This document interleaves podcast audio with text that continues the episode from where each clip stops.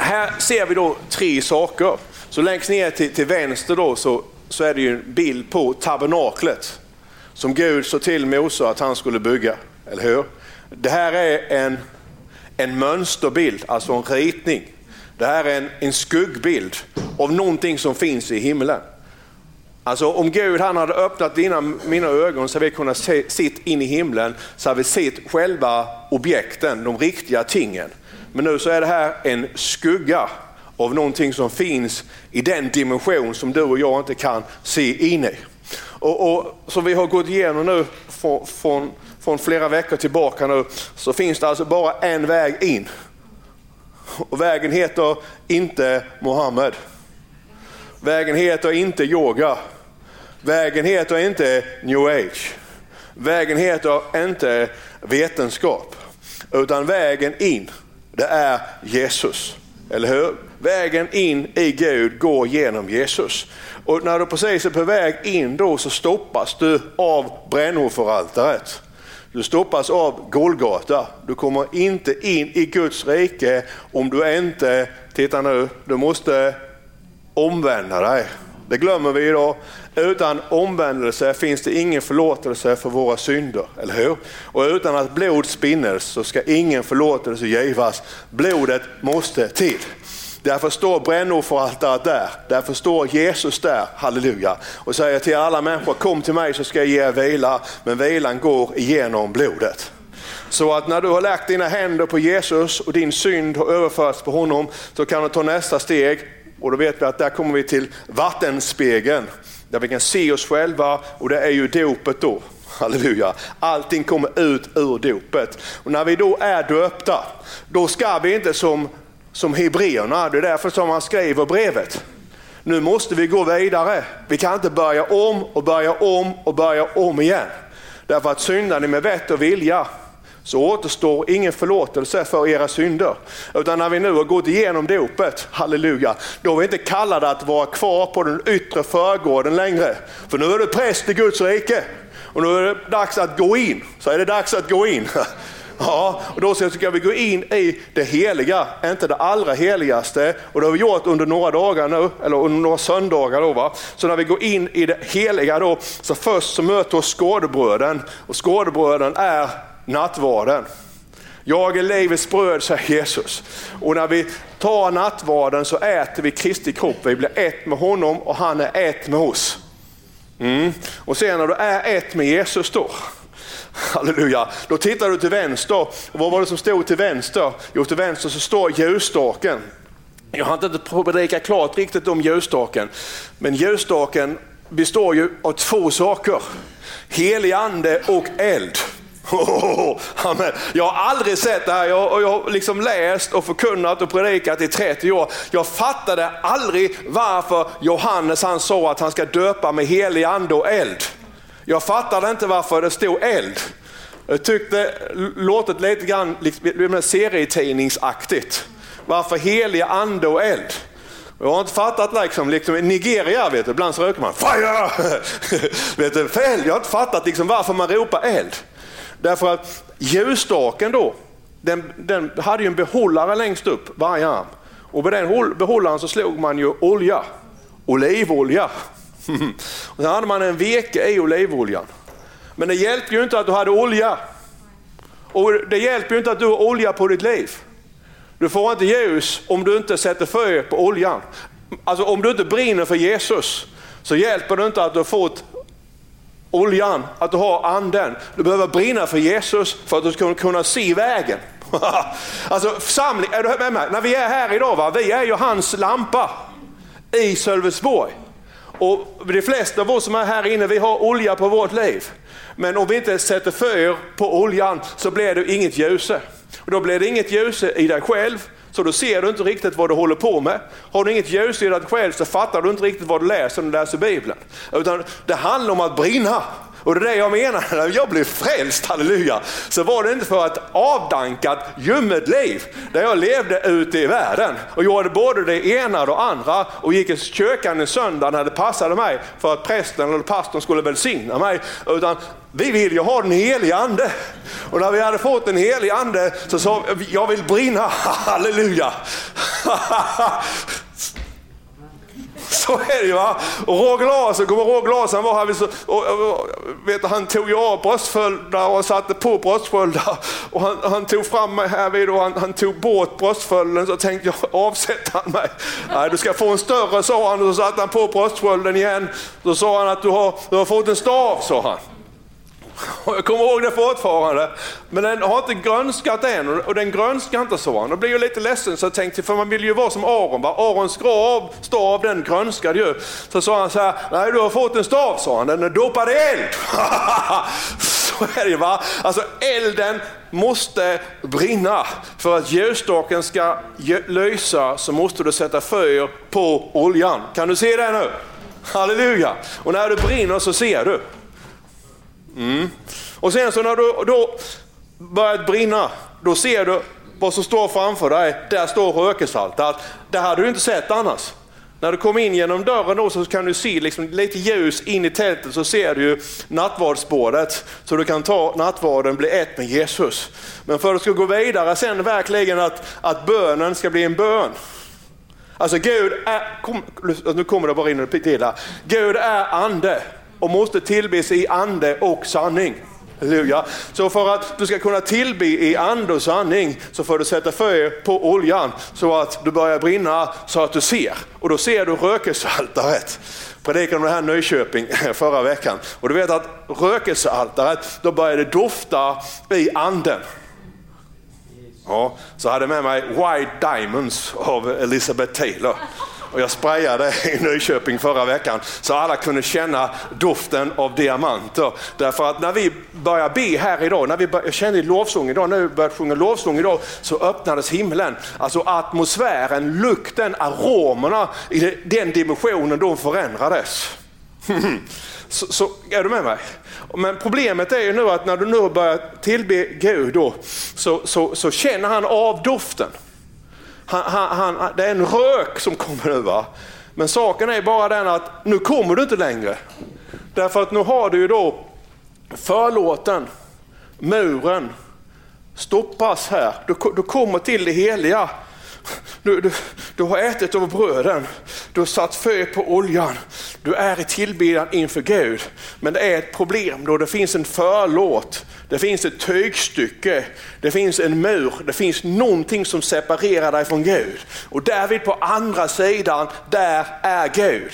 Och här på andra sidan är du. Är du här? Kan du se det? Där inne är det allra, allra heligaste. Där vilade Shekinah, alltså Guds härlighet. Där var Guds ljus. Bara det att vi kunde inte gå ända in. Det var ju ett problem. Och Gud var på den här sidan och han längtade efter människorna där. Och människorna var på den här sidan och de längtade efter Gud där. Fast det fanns en förlåt, det fanns en mur.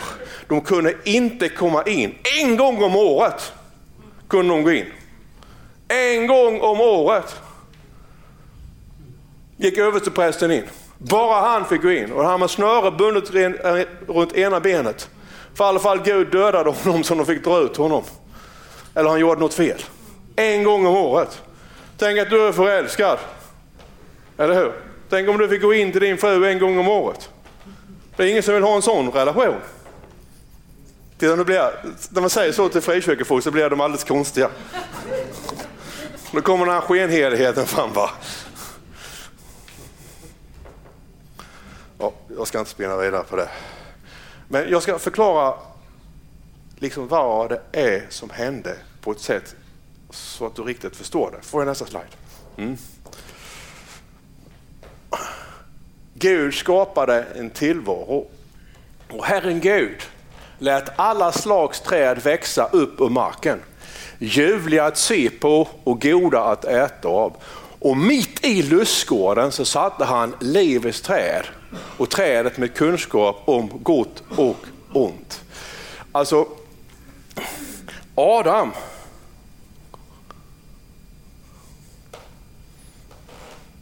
Han levde under en öppen himmel.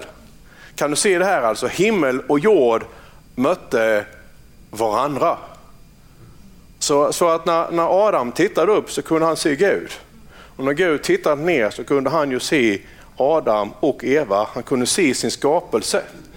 Och, och, det kunde ju inte vara en mur emellan där, därför att människan skulle ju vara en reflektion av Gud. Alltså vi är skapade till Guds likhet, in image of God, eller hur? Vi skulle ju vi skulle avspegla honom.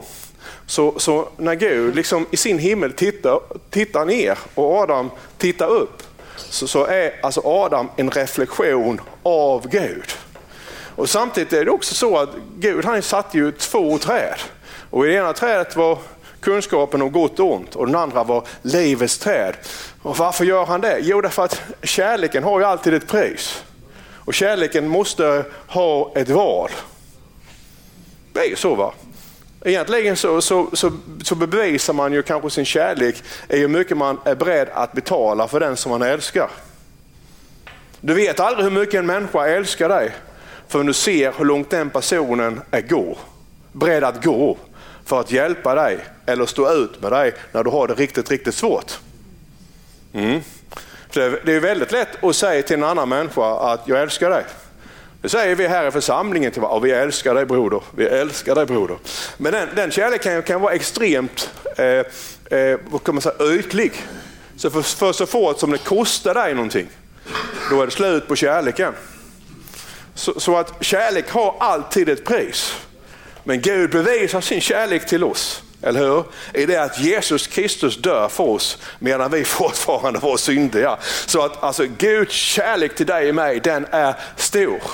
Och vad han gör här, då, han skapar ju ett självproducerande system, alltså självreproducerande system. Alltså forskningen menar ju med det då alltså att människan, det var aldrig meningen att människan skulle dö. Alltså vi är inte skapade för att dö, vi är skapade för att leva. Alltså allt, allt Gud han skapar det är självreproducerande. Så att när äpplet faller ner till marken så finns det ju redan ett äpple i äpplet. Eller hur? Det finns ju en kärna i äpplet. Ja, och när den faller i marken så växer det upp ett nytt äppelträd. Så, så Gud han skapar ju under sex dagar och på sjunde dagen så vilar Gud. Varför det då? Jo, därför att han har skapat ett självreproducerande reproducerande system. Mm. Vilket innebär också att, att, när du blir sjuk eller om du har rispat huden här vid, ja, så kommer ju ja, de vita blodcellerna då för att se till så att det inte kom, blir någon infektion.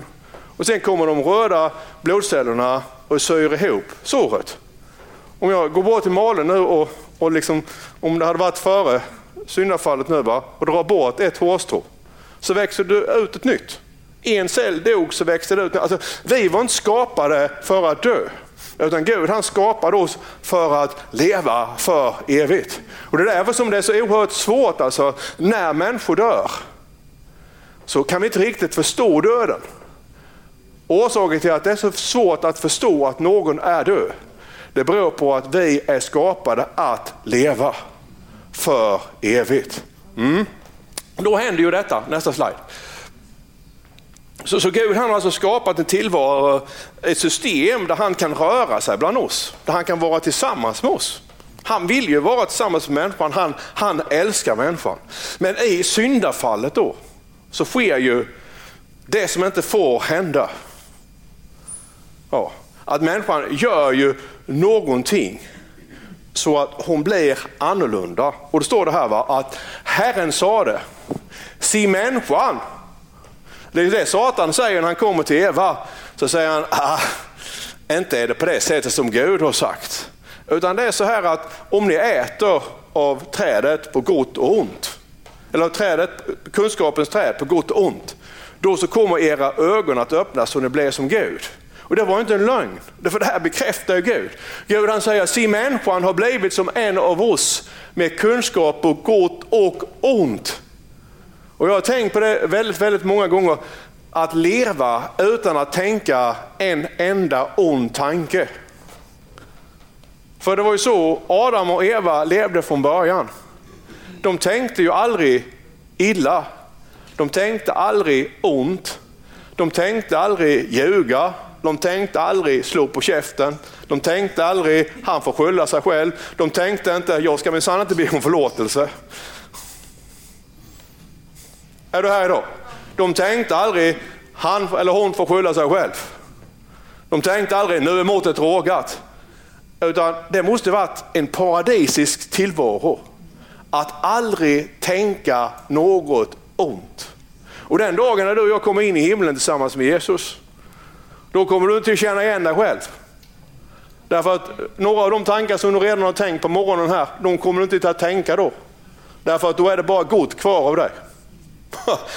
Problemet är ju nu va? att, att i och med att, att Adam förändras, i och med att han gör uppror mot Gud, så kan han nu tänka både gott och ont.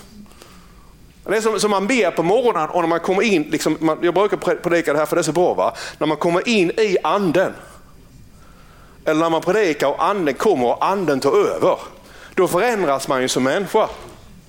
Därför att då, då blir man uppfylld av kärlek.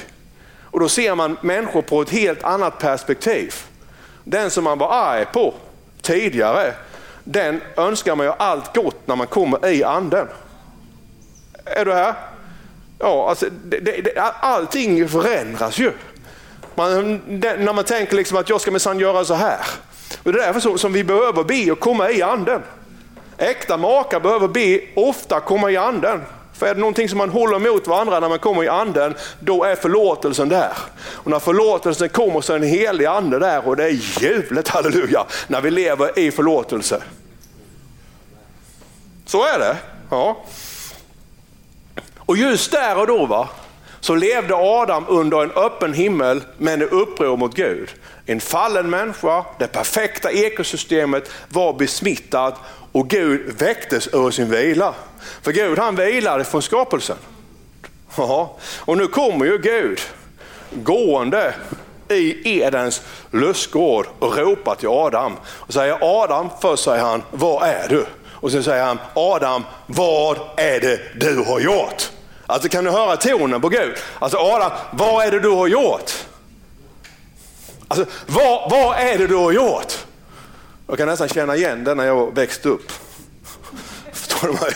Satt hemma i köket och sa farsan, men Tommy, vad är det nu du har gjort? Alltså, är du med mig? Alltså de, de hade ju förstört någonting, de hade gjort någonting som de inte skulle göra. Och då kommer vi till nästa slide och då kommer du förstå varför jag tagit den här långa vägen. Och då står det så här, va? och Herren Gud skickade bort den från Edens lustgård för att bruka jorden som ni tagits från. Han drev ut människan och öster om Edens lustgård satte han keruberna och det flammande svärdets lågor för att bevaka vägen till livets träd. Alltså nu när människan hade blivit som Gud, som kunde tänka gott och ont, men hon var inte Gud. Så risken var ju att onda skulle ta över. Nu hade människan fått synden i sitt liv och hon var i paradiset. Och i paradiset så fanns ju livets träd.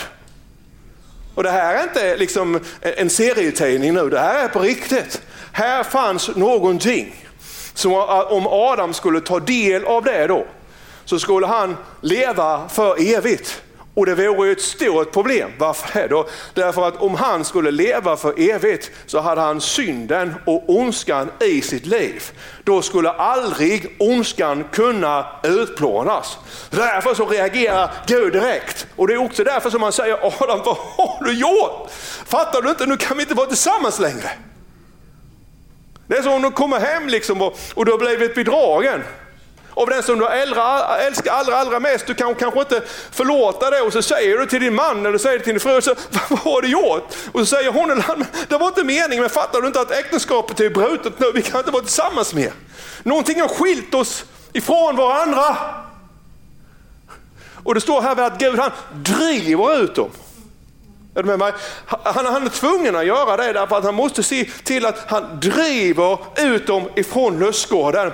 Och så där finns någon form av dörr eller en ingång och vid ingången då till lustgården så sätter han keruberna och dess flammande svärdets lågor för att bevaka vägen tillbaka till livets träd. Alltså från början då, när Gud skapade människan, så var det så va, att vi hade tillträde tillåtet till Guds tron. När Adam ville så kunde han kanske gå upp för trappan, knacka på dörren, så är Gud, det är Adam.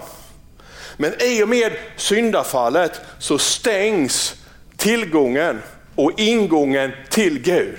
Så istället för att tillträde tillåtet så är det nu alltså tillträde förbjudet.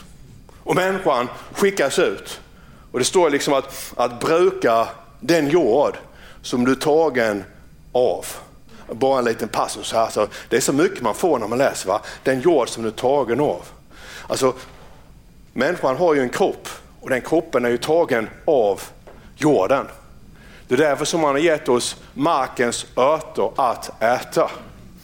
Att vi sen får tillåtelse att äta kött och så, det är en annan predikan. Men han gav oss markens örter att äta. Varför det då? Jo, därför att vår fysiska kropp, den är ju tagen ifrån marken, eller hur? Så därför gav han oss örter att äta. Han tog liksom inte en bit av elefanten, en bit av giraffen, en bit av grisrumpan och av oxen. Eller hur? Utan han tog av marken och så gjorde han en kropp. Och därför så fungerar kroppen bäst när vi äter av markens örter. Därför att det är så som vi konstruerade från början. Mm. Nu kan du äta vad du vill idag, därför att Gud har gjort allting tillåtet. Så känn liksom inget dåligt samvete inför Gud för den sakens skull. Jag bara säger att så skapades människan och så skapades våra kroppar. Mm. Och då, då, då, ska jag visa dig en sak här nu då. Nu är tillträdet tillbaka va? Och vad Gud han säger då, och det här visste han, va? men bara så att alla människor ska förstå det. Han säger att jag måste finna en väg tillbaka. Det är så va? Alltså jag måste finna en väg tillbaka. Jag vill inte ha det på det sättet att, att människan är där och jag är här. Och människan var ju likadan, människan gick ju vilse, människan ville också. Varför finns det andra religioner? Vet du varför det finns andra religioner? Därför att vi, vi försöker ju hitta en väg tillbaka. Inne i människan så finns evigheten. Det finns en bok som heter Evigheten i deras hjärta. Alltså inne i oss så finns det någonting som säger oss själva att det finns en Gud. Och jag måste hitta vägen tillbaka till Gud. Och när människan har sökt tillbaka efter Gud då, så har hon sökt fel och gjort fel och så har det uppstått andra religioner. Alltså islam, hinduismen, new age, det är ingenting annat än att människan söker vägen tillbaka till Gud. Och därför så har han rest upp folkkyrkan i Sölvesborg. Han har rest upp pingstväckelsen i Sverige. Varför det? Därför att vi ska Jesu basunera ut att detta är vägen till Gud. Ja, men då vill ju också de människor som söker vägen till Gud se människor som har hittat vägen. Eller hur? Du tror ju inte på en guide som själv har gått vilse. Eller hur? Om du ska bestiga Himalaya så träffar du en guide nere i Sahara. Som säger, jag vet. Va? Så säger, vad gör du här? Jag gick fel.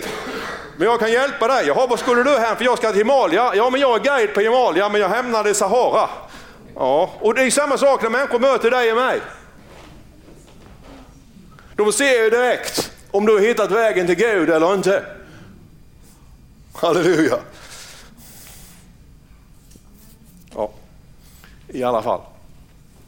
Vi är syndiga, han är helig. Vi är begränsade, han är gränslös. Vi är fallna, han är upphöjd. Vi är onda, han är fullkomligt god. Och det här liksom indiska ordspråket om fågeln och fisken som var förälskade i varandra. Jag vet att jag har dragit den några gånger här, fast den, jag ska inte ta hela nu, men den är ändå så bra. Va? Fågeln och fisken var förälskade i varandra. Och Det är det som har hänt nu med Gud. Alltså, fågeln kan ju på något sätt sväva över vattnet. Men den kan inte liksom gå ner och dyka ner i vattnet för då kvävs fågeln. Och fisken kan komma upp, ligga precis under vattenytan. Men den kan inte komma över vattnet. Några kan göra det för en liten stund. För då så kvävs fisken också, eller hur? Så därför så kan, kan liksom fisken kan simma precis vid vattenytan och så kan fisken se fågeln. Och fågeln kan flyga precis vid vattenytan och se fisken. Men de kan liksom inte vara tillsammans. Ja, det finns vissa fåglar som kan göra en dykning och vara nere under vattnet i en halv minut, men sen måste den upp igen. Och det finns vissa fiskar liksom som kan hoppa upp. Gäddan kan det. Och sen tillbaka ner i vattnet igen. Alltså, och det är ju det som har hänt. Det, det, här, det här förhänget som är mellan det heliga och det allra heligaste, det beskriver ju den här situationen. Att, att Gud, han älskar människan. Gud, han är på väg tillbaka. Men han, han kan inte träffa henne därför att våra världar är skilda åt. Så är det va? Vi är liksom under förgängelsen och han är evig. Så att han, han söker sig tillbaka till människan. Och Det är det som är det fantastiska när du är här idag.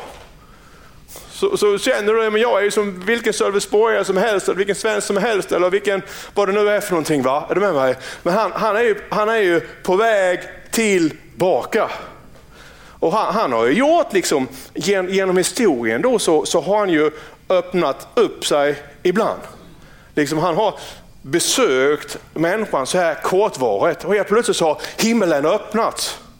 Precis som att fågeln liksom dök ner, jag tar chansen att drunkna och så dök fågeln ner i vattnet en halv minut bara för att pussa lite grann på fisken. Va? Och sen fick fågeln på något sätt lämna igen, för annars skulle fågeln drunkna. Och fisken såg liksom fågeln ligga en meter ovanför och tog sats långt nere från båten, körde all kraft upp och sen hoppade upp och så gav fågeln en krav och sen dök den ner igen. Men inte för en längre tid. Och så har det varit. Va? Men Gud han vill ju vara tillsammans med oss alltid. Mm. Och du ska få se några bibelord nu, därför att då har han öppnat himlen. Och då står det så här, va? ifrån eh, eh, andra Mosebok. Då hade han en dröm. Jag såg en trappa rest på jorden. Den nådde ända upp till himlen och Guds änglar steg upp och ner på den och se Herren stod ovanför den. Och Jakob han sa det, Herren är verkligen på denna plats. Och jag visste det inte. Det måste vara Guds boning. Här är himmelens port. Och stenen som jag har rest till en stor ska bli ett Guds hus. Och av allt du ger mig ska jag ge dig tionde. Hoppsan. Är, är du här idag? Alltså helt plötsligt så är han i en situation.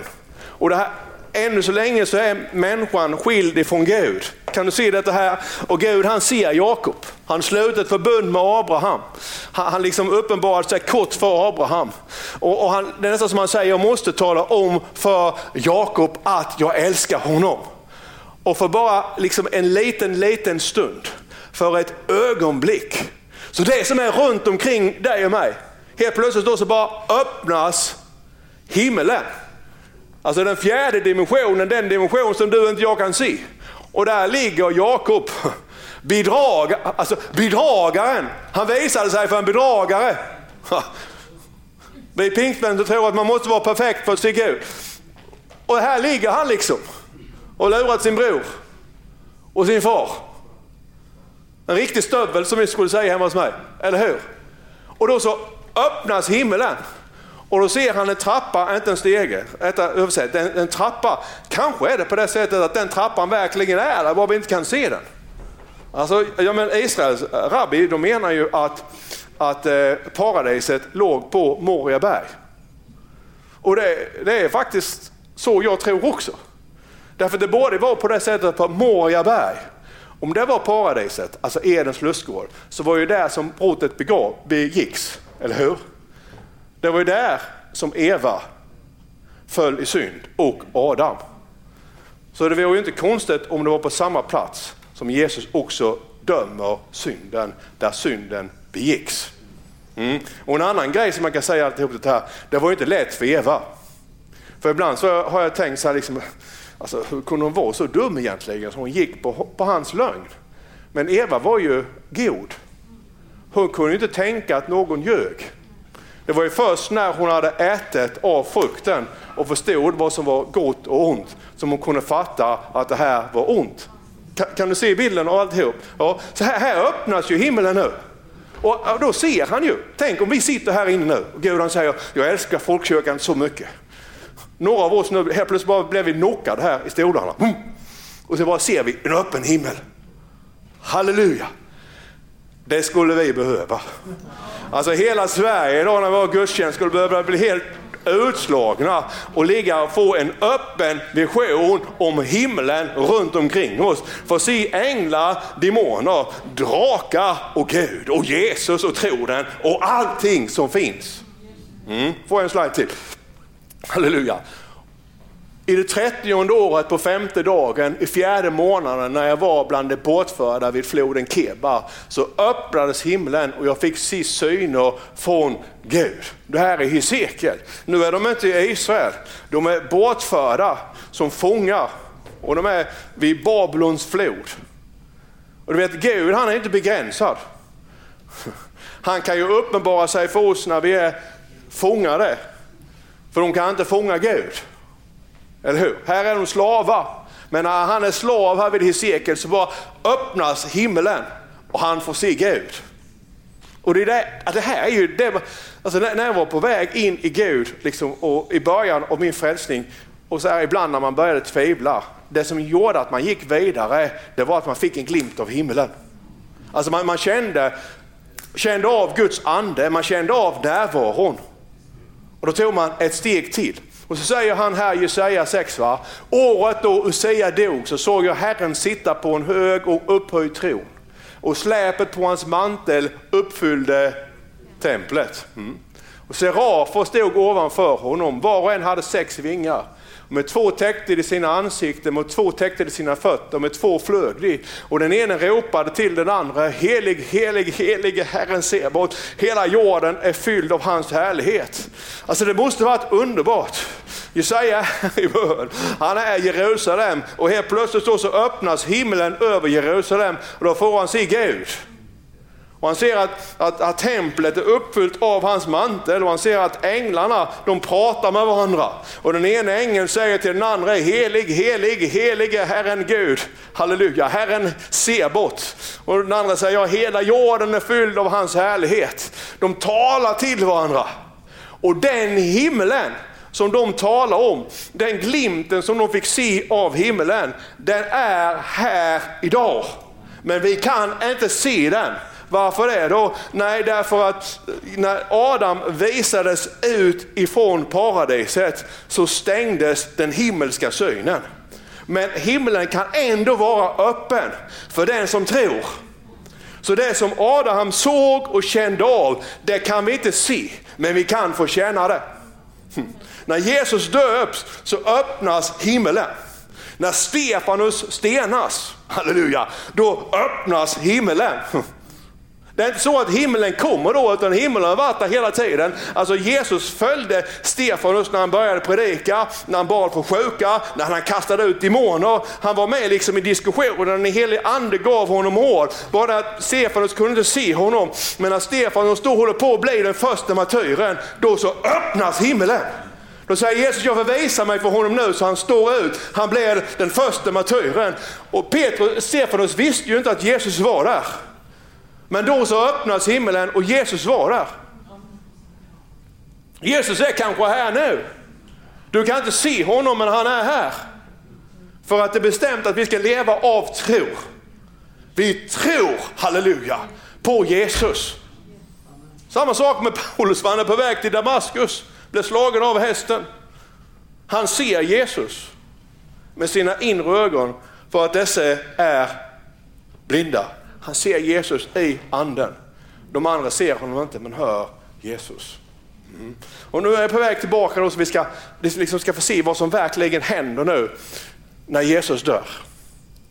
Alltså hur riktigt detta, så står det så att östen och Eden så satte han keruberna. Alltså det, det som Jesaja såg det var serafer, de har en annan uppgift. Han såg keruberna.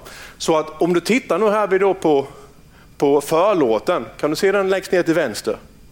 Så, så jag, jag har liksom tänkt så här innan, ja, det var väl Gud som kanske ville att det skulle se snyggt ut.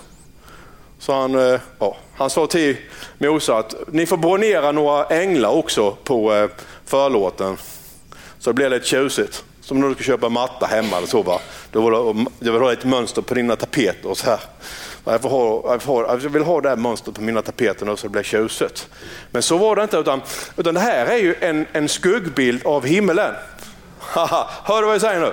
Ja, alltså, du, du gör tjänst i en helgedom som är en kopia. Kan du säga kopia? Det är en kopia och skuggbild av den himmelska helgedomen. Så som Mose fick höra när han skulle bygga tabernaklet, se till att du gör allt efter den mönsterbild som du fått se på berget. Lagen ger en skuggbild av det goda som kommer, men är inte tingen i dess verkliga gestalt. Okej, okay.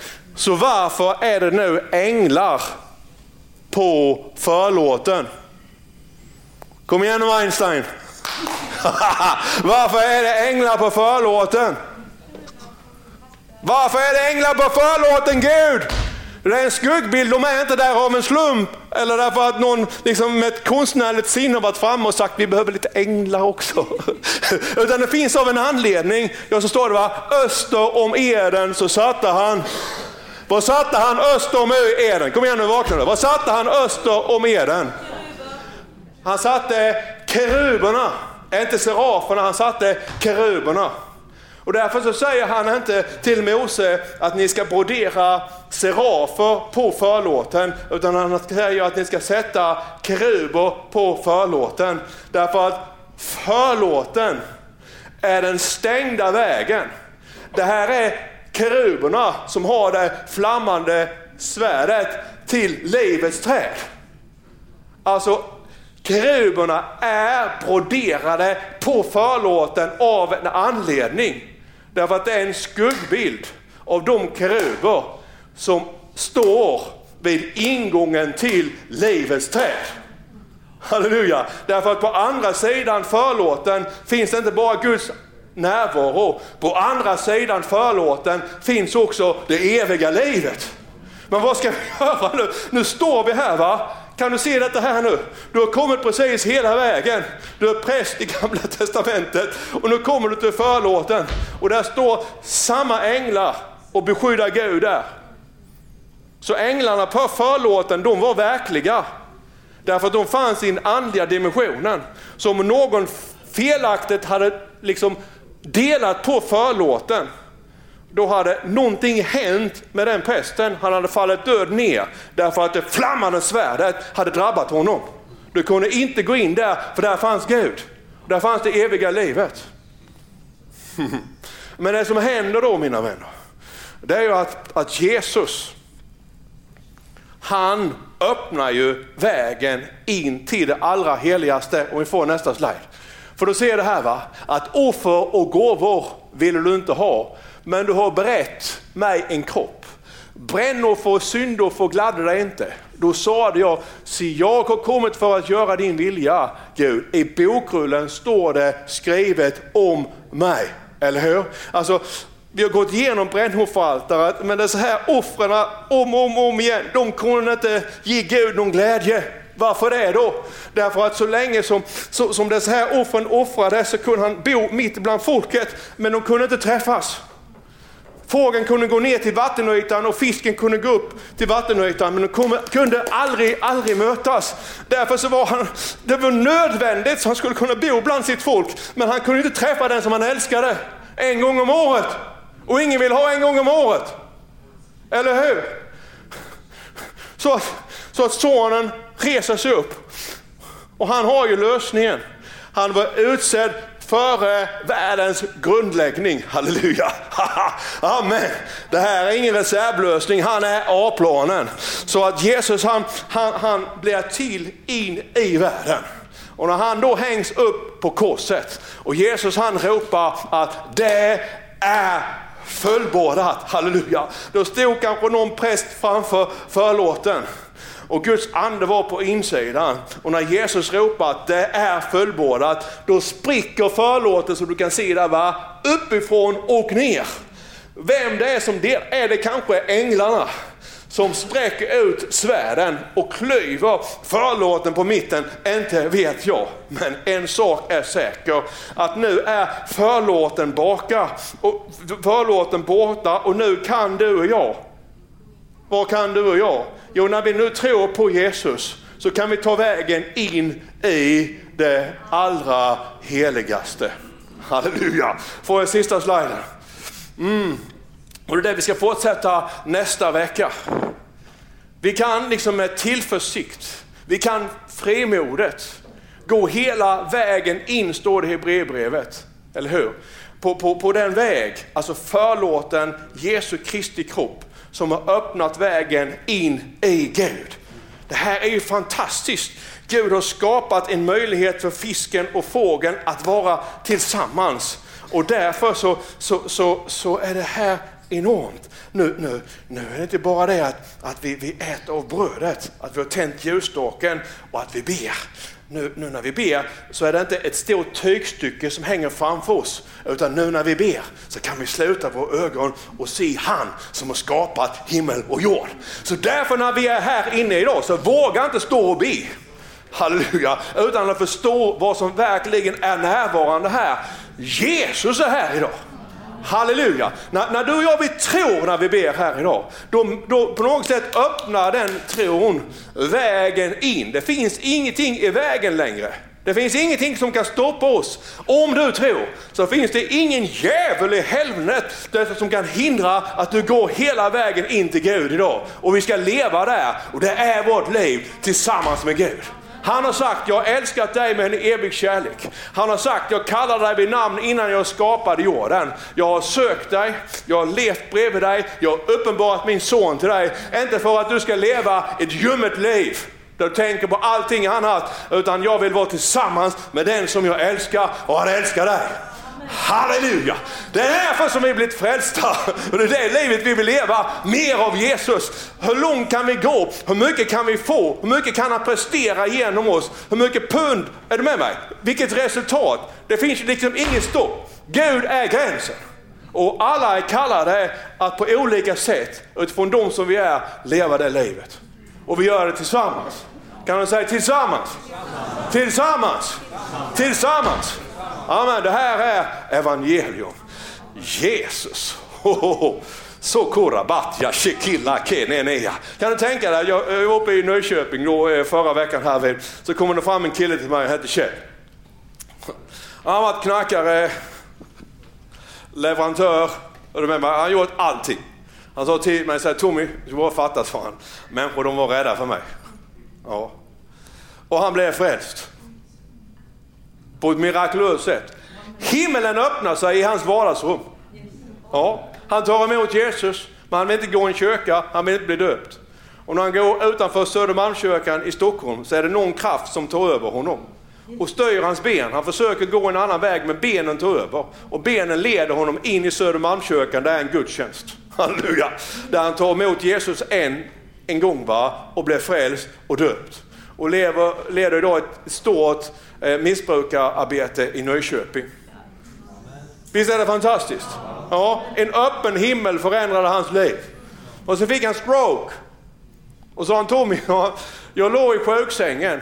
det var så roligt när han berättade första gången, så du får ta det en gång till för jag filmade. Va? Så, ja, min, min ben hängde ut där och min, min, liksom, min ben hängde ut där vid och min arm hängde där. Och, och jag kunde inte göra någonting. Halva sidan var helt förlamad. Och, så, och det, det, var på söndagen sa han, sen visste jag på fredagen då skulle jag ha min grupp.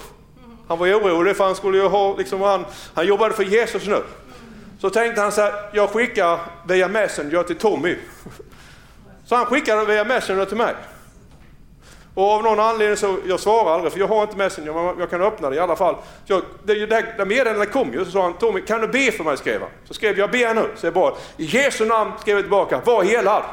Och när han fick tillbaka det på Messenger då, så släppte stroken så. Halleluja! Och på fredagen var han tillbaka, spelade gitarr och sjöng och ledde gruppen, halleluja, till Jesus. Jag hade hela det gänget på ena sidan i Nyköping idag. Åh, oh, halleluja. Jag talar om att det finns inga som, som jag går bättre ihop med än missbrukare. Vi, vi, är liksom på samma nivå på något sätt. Va? Vi älskar varandra. Det är liksom de skriker, mer predikan Tommy, mer predikan. Och vilka jag inte fungerar med, det ska jag inte gå in på här. Men nu ska vi ställa oss upp och tillbe Jesus. Halleluja! Ja, käre Gud, så kom jag ser